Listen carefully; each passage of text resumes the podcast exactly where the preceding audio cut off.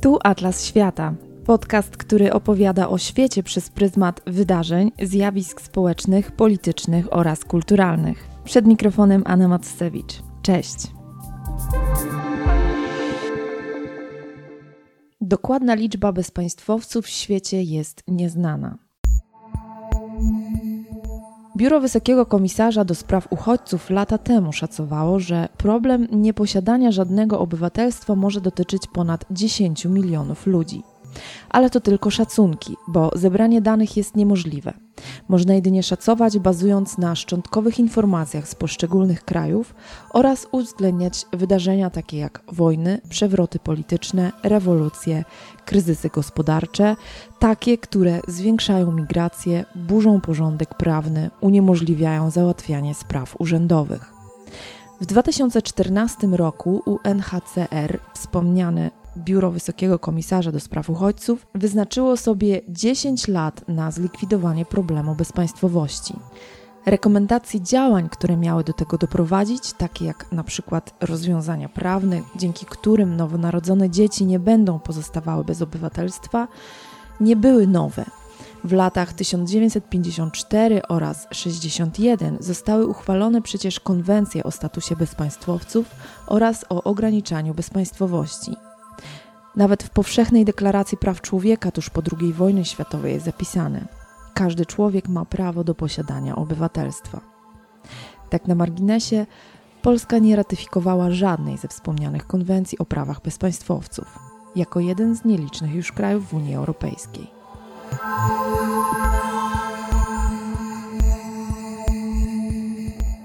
W Atlasie Świata goszczy dzisiaj reporterkę Dalię Mikulską, a porozmawiamy o problemie bezpaństwowości w Libanie. Dzień dobry. Dzień dobry, cześć. Impulsem do naszej rozmowy jest reportaż Dali pod tytułem Przez 40 lat nie miałam dowodu, byłem jak duch. Link do tego tekstu zostawię dla Was w opisie odcinka. W rankingu indeksu paszportów, który pokazuje możliwości posiadaczy paszportów poszczególnych państw, libański paszport jest wśród tych najsłabszych. Nie daje swoim posiadaczom zbyt wielu przywilejów w świecie, ale w samym Libanie jest bardzo duża grupa ludzi, dla których libańskie obywatelstwo jest y, marzeniem, jest nieosiągalnym często marzeniem. Przeczytałam Twój reportaż o życiu libańskich nieobywateli, czyli mieszkańców kraju, którzy nie posiadają ani libańskiego, ani jakiegokolwiek innego obywatelstwa. Takie osoby w świetle prawa nazywa się bezpaństwowcami. I opowiedz proszę, jak się staje bezpaństwowcem w Libanie? E, jest kilka powodów, żeby zostać bezpaństwowcem. Po pierwsze, bezpaństwowcami są, są dzieci bezpaństwowców, bezpaństwowość się dziedziczy, ale po drugie, jest też bardzo dużo osób, e, takich bezpaństwowców pochodzenia libańskiego. Organizacja, która się nazywa Siren, przeprowadziła takie badania w regionie głównie Akkar i Tripoli, e, z których wynika, że znaczna część tych bezpaństwowców to są osoby, których rodzice o, tutaj to mam. W Trypolisie 67% bezpaństwowców to są osoby, które mają ojca e, Libańczyka, który nie jest bezpaństwowcem, aż 67%, a aż 70% bezpaństwowców jest dziećmi libańskiej matki. E, Liban ma ustawę o obywatelstwie, która ma prawie 100 lat, pochodzi z, o ile dobrze pamiętam, 26 e, roku, 1926 roku. I według tej ustawy Liban przyjął prawo jus sanguinis, tak samo jak w wielu krajach jus sanguinis, czyli prawo krwi, czyli że obywatelstwo się dziedziczy, tylko Liban różni się tym od większości krajów świata, że e, to obywatelstwo obywatelstwo dziedziczy się tylko w linii patrolinearnej, czyli po ojcu. To oznacza, że dziecko Libanki i obywatela innego kraju nie odziedziczy libańskiego obywatelstwa. Jeżeli ojciec jest bezpaństwowcem, to, to dziecko nie odziedziczy żadnego i jeżeli nie ma możliwości uzyskania innego z różnych względów, to, to też dziecko będzie wtedy bezpaństwowcem. I to jest na tyle problem powszechny w Libanie, że nawet nie szukając tak naprawdę, ja się za tymi bezpaństwowcami na początku wcale nie rozglądałam, ten temat sam do mnie przyszedł, bo tą kwestią było dotkniętych moich dwóch kolegów ze studiów.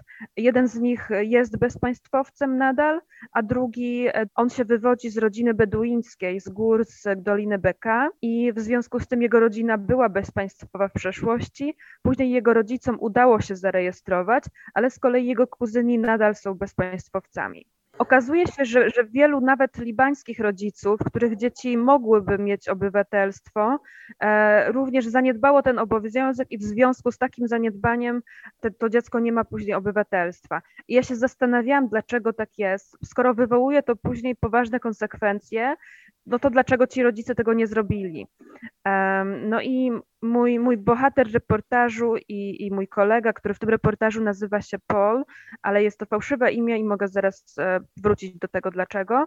E, on powiedział, że w jego odczuciu może to być związane z faktem, że Libańczycy w ogóle unikają jak ognia spraw urzędowych i e, szczerze powiedziawszy, nawet po, po moich jakichś tam doświadczeniach, to, to rozumiem, z czego to wynika, bo my może trochę mamy takie poczucie, będąc z kraju, któremu może mamy czasami wiele do zarzucenia, ale z drugiej strony idziemy do urzędu, spełniamy pewne warunki określone w jakiejś ustawie i oczekujemy, że E, nasza sprawa będzie w określony sposób, tak jak ta ustawa określa, załatwiona, a w krajach arabskich często tak nie jest, szczerze powiedziawszy.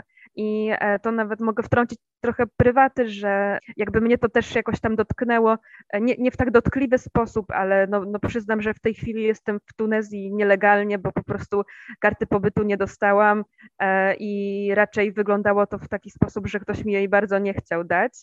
E, mimo że robię tutaj badania naukowe, moja uczelnia ma e, e, z uczelnią tunezyjską i w zasadzie powinnam to dostać, ale, ale, ktoś bardzo nie chciał mi tego przyznać. I podobnie jest w Libanie, podobnie było w Egipcie, więc tak, i, i tak myślę, że, że też jakby dotyczy, w dużej mierze dotyczy to ludzi uboższych, mniej wykształconych, um, tak jak może część słuchaczy oglądała taki film Nadine Labaki, Kapernaum, on był parę lat temu w w polskich kinach. Przedstawiał e, takie libańskie dzieci ulicy. Pokazywał tą biedę z perspektywy dziecka. W tym filmie e, to dziecko e, pozwało swoich rodziców za to, że je sprowadzili na świat, a jakby nie, nie mieli pomysłu, nie potrafili sprostać temu i, i zająć się tym dzieckiem. Jakby jest to fikcja, ale z drugiej strony ten film pokazuje jakąś tam, jakieś realia życia części tego społeczeństwa powiedzmy idąc ulicami Bejrutu, e, no często widać takie dzieci ulicy, które na mhm. pewno nie chodzą do szkoły, a głównie zajmują się żebraniem, czy czasami sprzedawaniem jakichś chusteczek higienicznych, czy czegoś takiego. E, jest to los części libańskich dzieci. Być może część z nich również nie ma obywatelstwa. Y, szczególnie w ostatnich latach, kiedy w Libanie rozszalał się kryzys gospodarczy i on jest bardzo dotkliwy dla bardzo szerokich grup, również osoby, które wcześniej sobie nieźle radziły finansowo, teraz popadają w kłopoty. Ta, i, I to dotyka coraz jakby szerszego kręgu ludzi, prawda? Zgadza się, w tym momencie ten kryzys dotyczy większość społeczeństwa. Ja w Libanie po raz pierwszy byłam w 2017 roku i wtedy to był inny Liban jeszcze. To było przed kryzysem. Jakby Libańczycy sami tak mówią, że, że to było przed, a to po, że to jest jakaś taka granica w ich myśleniu o ich kraju. E, I tak jest, bo Liban, on był kiedyś określany Szwajcarią Bliskiego Wschodu, słusznie czy niesłusznie, ale jakby tak nawet takie proste obserwacje, tak na pierwszy rzut oka, w Libanie można zobaczyć e, jakieś droższe samochody, elegancko ubrane kobiety, które gdzieś tam widać, że, że je stać na to, żeby o siebie zadbać, a w tym momencie jakby ich waluta libańska na tyle e, straciła swoją wartość, inflacja 140%, kiedy u mhm. nas martwi nas 7%, słusznie nas martwi, ale, ale to, co się dzieje w Libanie, to jest nieporównywalne do, do stanu polskiej gospodarki. To jest naprawdę niewyobrażalny kryzys, e, przez Bank Światowy określany najpoważniejszym, od, czy jednym z poważniejszych od połowy XIX wieku. I e, takie proste rzeczy, które dla nas są czymś oczywistym, że, że na przykład mamy prąd, to, to już tam przestało być oczywiste. Kiedyś zdarzały się przerwy w dostawach prądu e, i dobrze było mieć generator, ale w tym momencie te przerwy to jest norma. E, Libańczycy mówią o, o, takim prądzie, który, który płynie w sieci, określają to mianem government electricity, rządowy prąd. I jak się zapyta o to, e, bo wynajmując mieszkanie, mamy jakiś rozkład, w jakich godzinach generator działa. On nie działa ciągle, to znaczy, że mamy przerwy w dostawach prądu. E, więc możemy zapytać się właściwie, powinniśmy wynajmując mieszkanie, zapytać właściciela mieszkania, w jakich godzinach mamy prąd, ale jak go zapytamy, w jakich godzinach jest government electricity, to wtedy Jelbańczycy się po prostu uśmiechają i mówią, że nikt tego nie wie. No i rzeczywiście czasie, kiedy tam byłam, zdarzało się, że, że nie było tego prądu wcale. I to są rzeczy, których właśnie normalnie nie bierzemy pod uwagę, bo, bo traktujemy to jako coś normalnego, żyjąc w Polsce, że mamy prąd, no ale ten prąd jest potrzebny na przykład, żeby lodówka działała, nie należy mrozić, no bo to się ciągle rozmraża, mrozi i tak dalej. Z prądu też jak mamy Wi-Fi, no to też to, to działa na prąd przecież, e, więc nie mamy internetu przez jakiś czas i, i to wpływa na, na różne części naszego życia. Ja popełniłam błąd, kiedy się wprowadziłam do Libanu, bo wprowadziłam się na dziewiąte piętro. I po pewnym czasie mieszkańcy budynku, którzy mieszkali na drugim, trzecim, zdecydowali, że nie chcą już płacić za generator do windy. W związku z tym na to dziewiąte piętro musiałam wchodzić. Mm -hmm. No i to można sobie wyobrazić, że wtedy człowiek się dwa razy zastanowi, czy chce zejść do sklepu i tak dalej. Będąc w Libanie, miałam poczucie, że ja jestem tam tymczasowo. Natomiast jak się tam mieszka, to ta frustracja rośnie i e, oni nie wiedzą, co będzie dalej. To jest taka, takie poczucie dużej e, niepewności przyszłości. I bezpaństwowcy to jest taka grupa, która po prostu jest szczególnie wrażliwa w i tak trudnej sytuacji. W momencie, kiedy na przykład e, jest wprowadzana jakaś pomoc dla społeczeństwa, żeby ulżyć w tym kryzysie, i tak było niedawno właśnie wprowadzono program DAEM, który właśnie ma na celu wsparcie najuboższych, ale podstawowym warunkiem jest libańskie obywatelstwo. Więc po prostu bezpaństwowcom to nie przysługuje.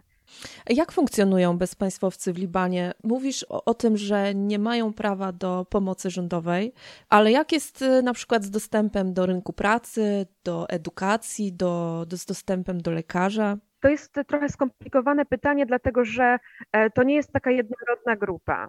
Generalnie oni nie mają obywatelstwa i przez państwo nie są rozpoznawani, nie istnieją w rejestrze cywilnym Libanu, czyli tak jakby ich nie było. E, w Akkarze na podstawie tych badań organizacji Siren 64% bezpaństwowców jest bezrobotnych, ale i tak Akkar to jest też taki jeden z bardziej najuboższych regionów, więc tam 54% e, Libańczyków też nie ma e, pracy, więc bezpaństwowcy są bardziej tym dotknięci, ale tak czy siak jest tam duże bezrobocie.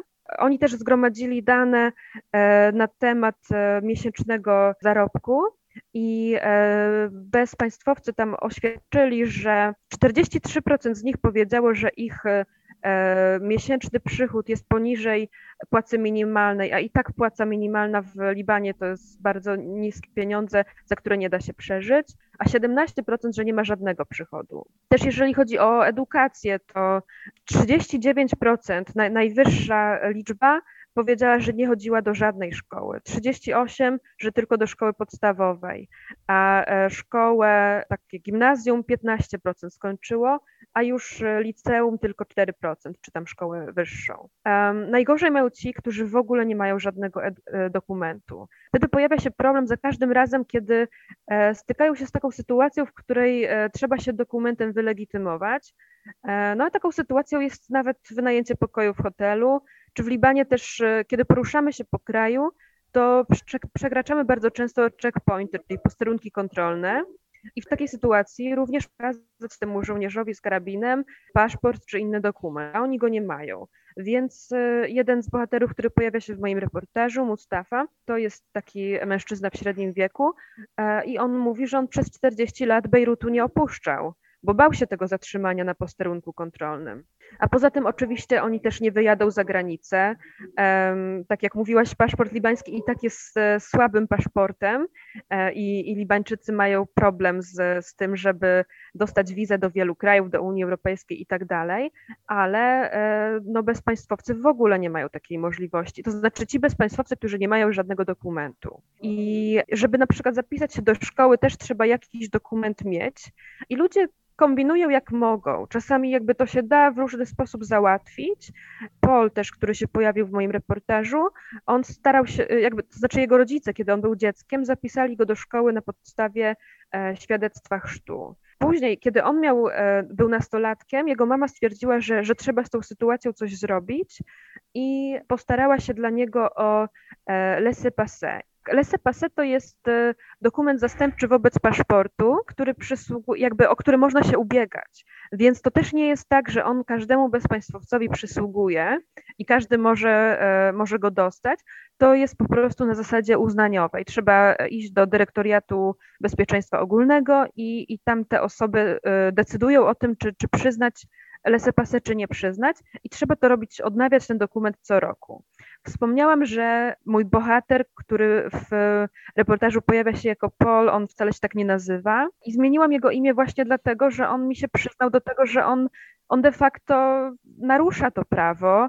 On co roku idzie do tego dyrektoriatu bezpieczeństwa ogólnego i kłamie. E, muszę wtrącić, żeby było jasne. On jest dzieckiem Libanki, a jego ojciec z kolei jest syryjskim Ormianinem. I w związku z tym nie dostał oczywiście obywatelstwa swojej matki, teoretycznie mógłby dostać obywatelstwo ojca, e, mógłby zostać e, Syryjczykiem, e, no ale w Syrii jest wojna i on nie bardzo by chciał utknąć tam w armii Asada i strzelać do Syryjczyków. Mhm.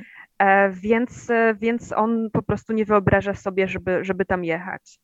Z drugiej strony jego ojciec też ma pochodzenie ormiańskie, a Armenia uchwaliła prawo o naturalizacji, zgodnie z którym każdy, kto ma pochodzenie ormiańskie, może też o to obywatelstwo się ubiegać, e, więc on by mógł do, do Armenii teoretycznie pojechać na podstawie laissez-passer i wtedy e, mógłby się ubiegać o obywatelstwo ormiańskie, natomiast musiałby również odbyć e, służbę wojskową dwuletnią, a mój bohater akurat jest gejem, po ormiańsku nie mówi i mówi, że, że też nie za bardzo sobie to wyobraża, a poza tym on utrzymuje rodzinę. To jest chłopak, który ma 24 lata, jego rodzice są bezrobotni i on ma rodziców na utrzymaniu. Paul jest taką osobą, to jest bardzo inteligentny chłopak. On e, studiuje na jednej z najlepszych uczelni w Libanie e, i, i jakby jest bardzo dobrym studentem, świetnie sobie radzi, pracuje, łączy to z pracą i mam wrażenie, że osiąga dużo sukcesów, a jednocześnie ta bezpaństwowość e, utrudnia mu niektóre rzeczy, bo on na przykład nie może dostać umowy na czas nieokreślony. I właśnie mimo tego, że on jest takim świetnym studentem, jest naprawdę zdolny, inteligentny i tak dalej, to jedyne na, na co on może liczyć, to są e, jakieś takie umowy, kontrakty krótkoterminowe, a jego brat z kolei E, no on mówił, że niestety zrezygnował z edukacji, mając takie poczucie, że, no, że i tak nic nie osiągnie. Po prostu pomyślał sobie w pewnym momencie, że po co mi to? Po co ja będę siedział w tej szkolnej ławce, się starał uczyć, kiedy jestem bezpaństwowcem, kariery nie zrobię i tak e, nic mi się nie należy. Jednocześnie też on mi mówił, że jest bardzo niska świadomość tego problemu bezpaństwowości w społeczeństwie. Bo ja w sumie nie, nie spytałam o skalę tego problemu, jeśli chodzi o liczebność osób, które mm, mieszkają w Libanie, tam się urodzili i nie mają obywatelstwa libańskiego, bo ja znalazłam gdzieś taką liczbę. No bo sobie wyobrażam, że jest trudno oszacować, bo wielu z nich funkcjonuje poza systemem, po prostu nie istnieją. E, w świetle prawa, e, znalazłam liczbę, że co najmniej 27 tysięcy osób. Mhm. Tak, to są takie najłagodniejsze szacunki.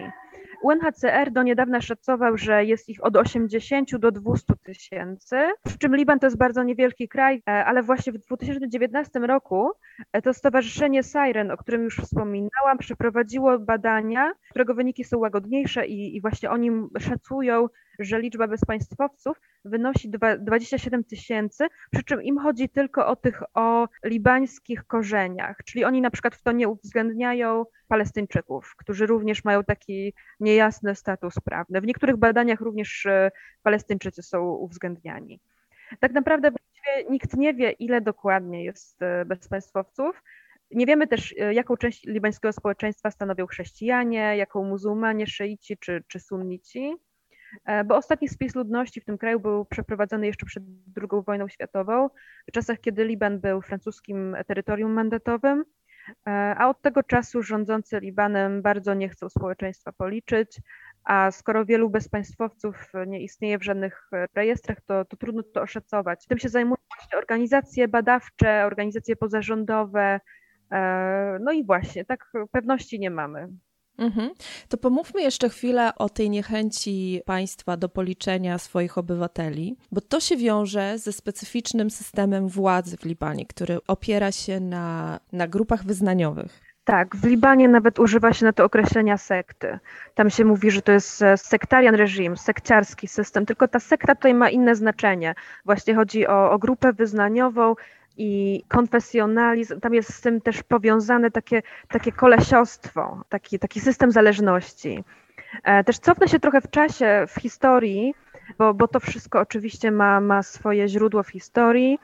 E, jest takie pojęcie wytrych, które często się używa jakby na, na podanie przyczyn wielu problemów, które mają e, miejsce na Bliskim Wschodzie. Mówi się, że, że to wynika z porażki procesu państwotwórczego i tak też jest w Libanie. Zacznę od tego, że coś takiego jak Liban historycznie e, bardzo długo nie istniało. Te tereny Syrii i Libanu kiedyś stanowiły część e, Imperium Osmańskiego. Były góry Libanu i stąd jest ta nazwa. Nazwa Liban pojawia się wprawdzie w Biblii, ale jako państwa i jako takiej tożsamości, że jestem Libańczykiem, jestem Libanką, to tego długo nie było. E, jeszcze w XIX wieku nikt się nie określał jako Libańczyk. E, byli Bejrutczycy, byli Trypolitańczycy, bo też jest e, Trypolis libański, jedno z większych miast. Natomiast nikt nie uważał się za Libańczyka. No więc później Liban był tym terytorium mandatowym i trzeba było ustalić, kto to właściwie jest Libańczyk. Francuzi jakby postanowili to stworzyć to państwo libańskie, to miała być taka oaza schronienia dla chrześcijan bliskowschodnich, to trochę nie wyszło, tak jak Francuzi sobie zaplanowali. Plan był taki, żeby te tereny, francuskie terytoria mandatowe w Lewancie podzielić na tą muzułmańską Syrię i chrześcijański Liban. E, no i właśnie trzeba było wymyślić, kto jest Libańczykiem, więc w 1932 roku przeprowadzono ten cenzus, który jest ostatnim libańskim cenzusem, e, więc e, Liban jest rekordzistą, jeśli o to chodzi, naj, najdłużej nie policzył swojego społeczeństwa. Ten cenzus należy do przyczyn bezpaństwowości, dlatego że część osób została z tego cenzusu pominięta. Właśnie wspomnieni Beduini nie potrafili udowodnić, że mieszkają w Libanie od 6 miesięcy, bo na przykład nie mieli miejsca zamieszkania. W tym cenzusie też wyszło, że głównymi grupami wyznaniowymi to jest chrześcijaństwo oraz islam, ale w podziale na sunitów i szyitów. To jest istotne, bo dzięki temu mamy trzy grupy wyznaniowe, które de facto są podstawą tego y, systemu wyznaniowego politycznego. Znaczy grup wyznaniowych mamy więcej w Libanie. Mhm. Są też na przykład druzowie, e, chrześcijanie też się dzielą, są ortodoksi, są maronici, najwięcej jest maronitów, ale właśnie e, ten, ten cenzus posłużył do ustalenia, komu e, należy się jakie stanowisko, jaki procent w parlamencie i ustalono na przykład, że prezydent tego kraju musi być chrześcijanem maronitą, premier to zawsze jest sunnita, a z kolei przewodniczący parlamentu to jest szyita i e, prezydentowi przyznano największą władzę, bo, bo tych maronitów było szczególnie dużo. E, natomiast e, później doszło do, do wojny domowej od roku 1975, 15-letnia wojna domowa, która tak na pierwszy rzut oka może się wydawać takim konfliktem wyznaniowym, natomiast no, na to należy trochę szerzej spojrzeć. To była nie tyle wojna domowa, w której e, mieszkańcy danego kraju się nienawidzą nawzajem i walczą ze sobą, ale też to był taki regionalny konflikt związany z wydarzeniami geopolitycznymi i geopolitycznym układem sił.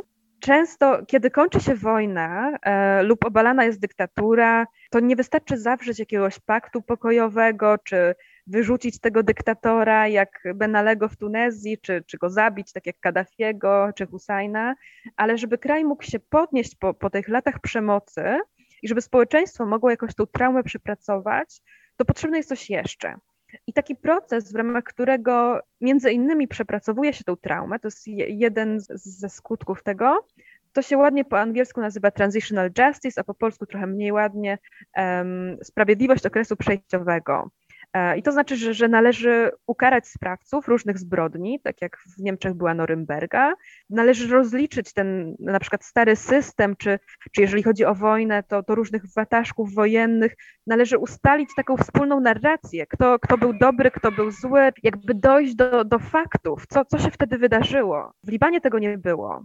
To, to zupełnie Libańczycy jakby za, zaniedbali to zresztą może nie można tego nazwać zaniedbaniem, bo, bo to było e, raczej celowe. Tam się umówiono, że o tej wojnie zapominamy. Uchwalono amnestię wobec wszystkich e, wojennych wataszków. Wielu, wielu faktów o tej wojnie po prostu nie znamy.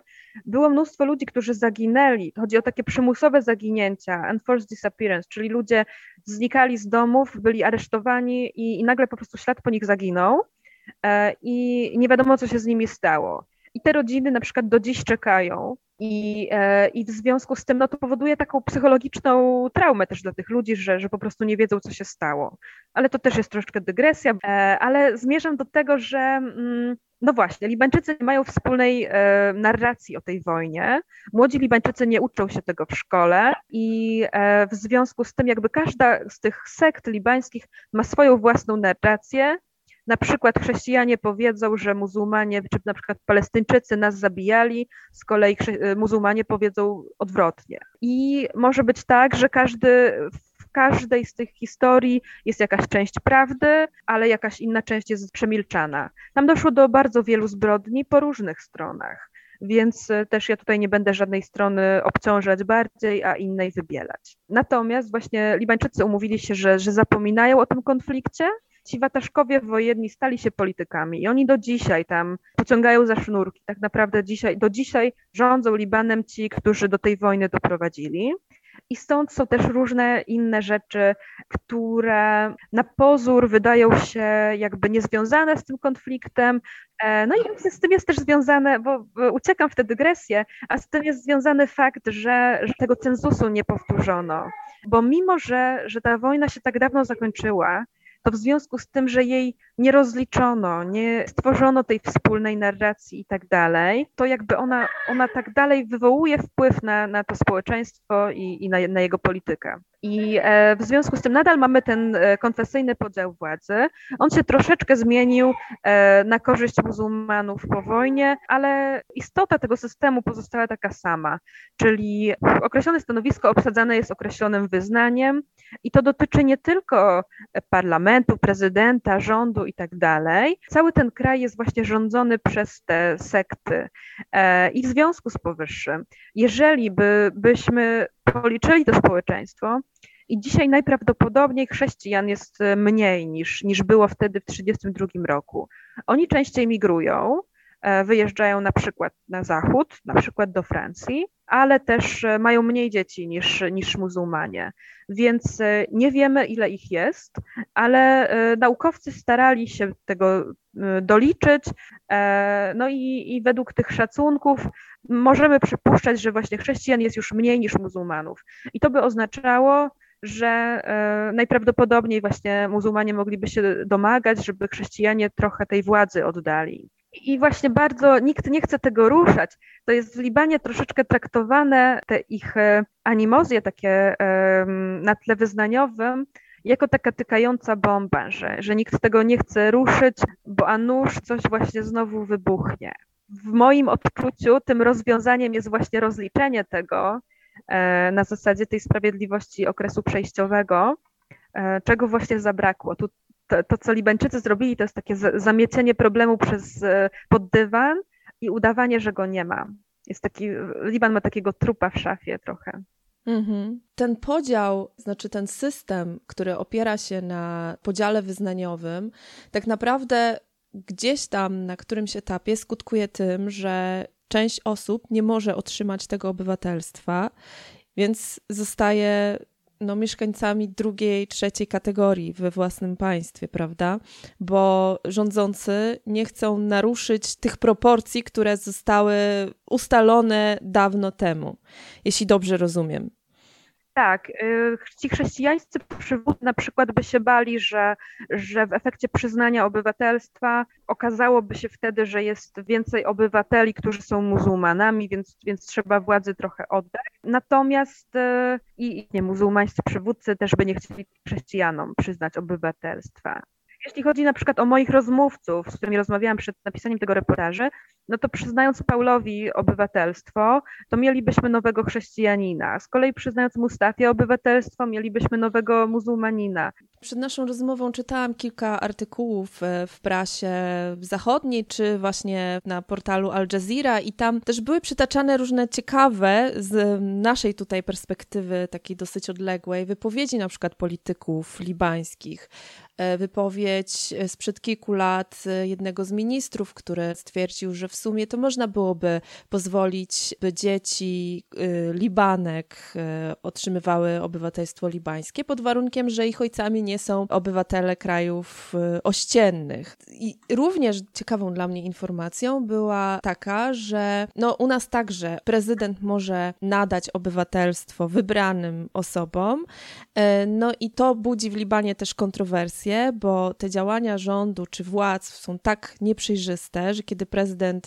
nadaje obywatelstwo y, wybranej grupie ludzi, którzy potem się okazują, że są na przykład syryjskimi biznesmenami związanymi z reżimem Asada, no to budzi wiele pytań, dlaczego tamci ludzie mm, dostają obywatelstwo prawdopodobnie za pieniądze czy za łapówki, a wiele, wiele osób, którzy są uprawnieni tak naprawdę, mogliby być obywatelami Libanu, tego obywatelstwa nie mają. Jeszcze ostatnie pytanie, bo my tu rozmawiamy o, o, o kontekście politycznym i o tym, jak, jakie konsekwencje ma brak możliwości uzyskania obywatelstwa w Libanie, ale czy, y, czy w ogóle są podejmowane jakieś inicjatywy, żeby to zmienić? Też powiedziałaś, że wiele osób nie jest w ogóle świadomych problemu, y, że, że ten problem jest marginalizowany, mimo że bardzo duża grupa ludzi jest bezpaństwowcami. Jeszcze nie, nie rozmawiałyśmy, nie spytałam Cię o, o konsekwencje, o których pisałaś, że niektó w niektórych regionach Libanu ludzie się radykalizują z powodu tego, że są dyskryminowani we własnym kraju. Czy, czy jest szansa na to, że y, to się wkrótce zmieni? To znaczy, w, w, parlamencie Libanu były różne ustawy, które miały na celu zmianę tej sytuacji. Prawda jest taka, że, że większości polityków to zwyczajnie nie obchodzi. W tej chwili Liban się mierzy z wieloma problemami, tak jak rozmawiałyśmy o tym kryzysie, a ten problem, no właśnie, on dotyczy części społeczeństwa, która nie ma obywatelstwa, więc też nie chodzi na wybory. Więc e, o ile powiedziałabym, że politycy generalnie się nie liczą przesadnie z większością społeczeństwa, bo ten system to jest taki klientelizm. Oni mają swoich raczej klientów. To jest e, temat tak naprawdę na, na kolejną rozmowę, już może, może nie będę w to wchodzić. Ale tak, były, były jakieś inicjatywy zmiany tej sytuacji. E, były też inicjatywy zarejestrowania Beduinów, co się częściowo udało, ale nie objęło wszystkich. Mm, z czego to wynika, trudno mi powiedzieć. Może właśnie z tego, e, że, że te libańskie urzędy są tak mało przyjazne i może to jest e, ogólnie rzecz biorąc nie, niejasne, nie ma jasnych zasad i nie zawsze jest to możliwe. Ale no, prawda jest taka, że, że to wszystko, do czego dochodzi, te inicjatywy mające na celu poprawę tej sytuacji, to są takie półśrodki. Bo tak naprawdę, żeby, żeby rozwiązać jakiś problem, to najlepiej jest sięgnąć głębiej i starać się rozwiązać przyczynę tego problemu. A przyczyną, na przykład jedną z przyczyn bez, e, bezpaństwowości jest ta ustawa e, sprzed 100 lat, która mówi, że kobieta nie może przekazać obywatelstwa. Jakbyśmy umożliwili kobietom przekazywanie obywatelstwa, to rozwiązywałoby znaczną część problemu. Po drugie, no, trudności te administracyjne, to, że dziecko można tylko w ciągu roku zarejestrować, jak się to próbuje później zrobić, to jest już trudno. Trzeba by to po prostu uprościć. Więc jakby to są takie rozwiązania, które adresują przyczynę problemu. Liban robi inaczej, jakby Liban stara się rozwiązać jakieś tam skutki problemu, czyli na przykład dopuścić dzieci do szkół. No i e, Paul powiedział o tym, że co z tego, że my pozwolimy tym dzieciom iść do szkoły, skoro to jest składanie im fałszywych obietnic. No bo później one pójdą na rynek pracy i one wielu z tych prac nie będą mogły wykonywać, nie dostaną, czy, czy w ogóle będzie dla nich zamknięta droga, nie? Więc ten jego brat na przykład w ogóle zrezygnował z edukacji, był tak sfrustrowany, że, że stwierdził, że po prostu nie. Dalio, bardzo dziękuję Ci za naszą rozmowę. Ja też pozwolę sobie zostawić link do reportażu, o którym też e, dzisiaj tutaj rozmawiałyśmy w opisie podcastu. Tam też jest więcej historii Twoich bohaterów. Przypomnę, że rozmówczynią dzisiaj w Atlas Świata była Dalia Mikulska. Dziękuję bardzo. Ja również bardzo dziękuję.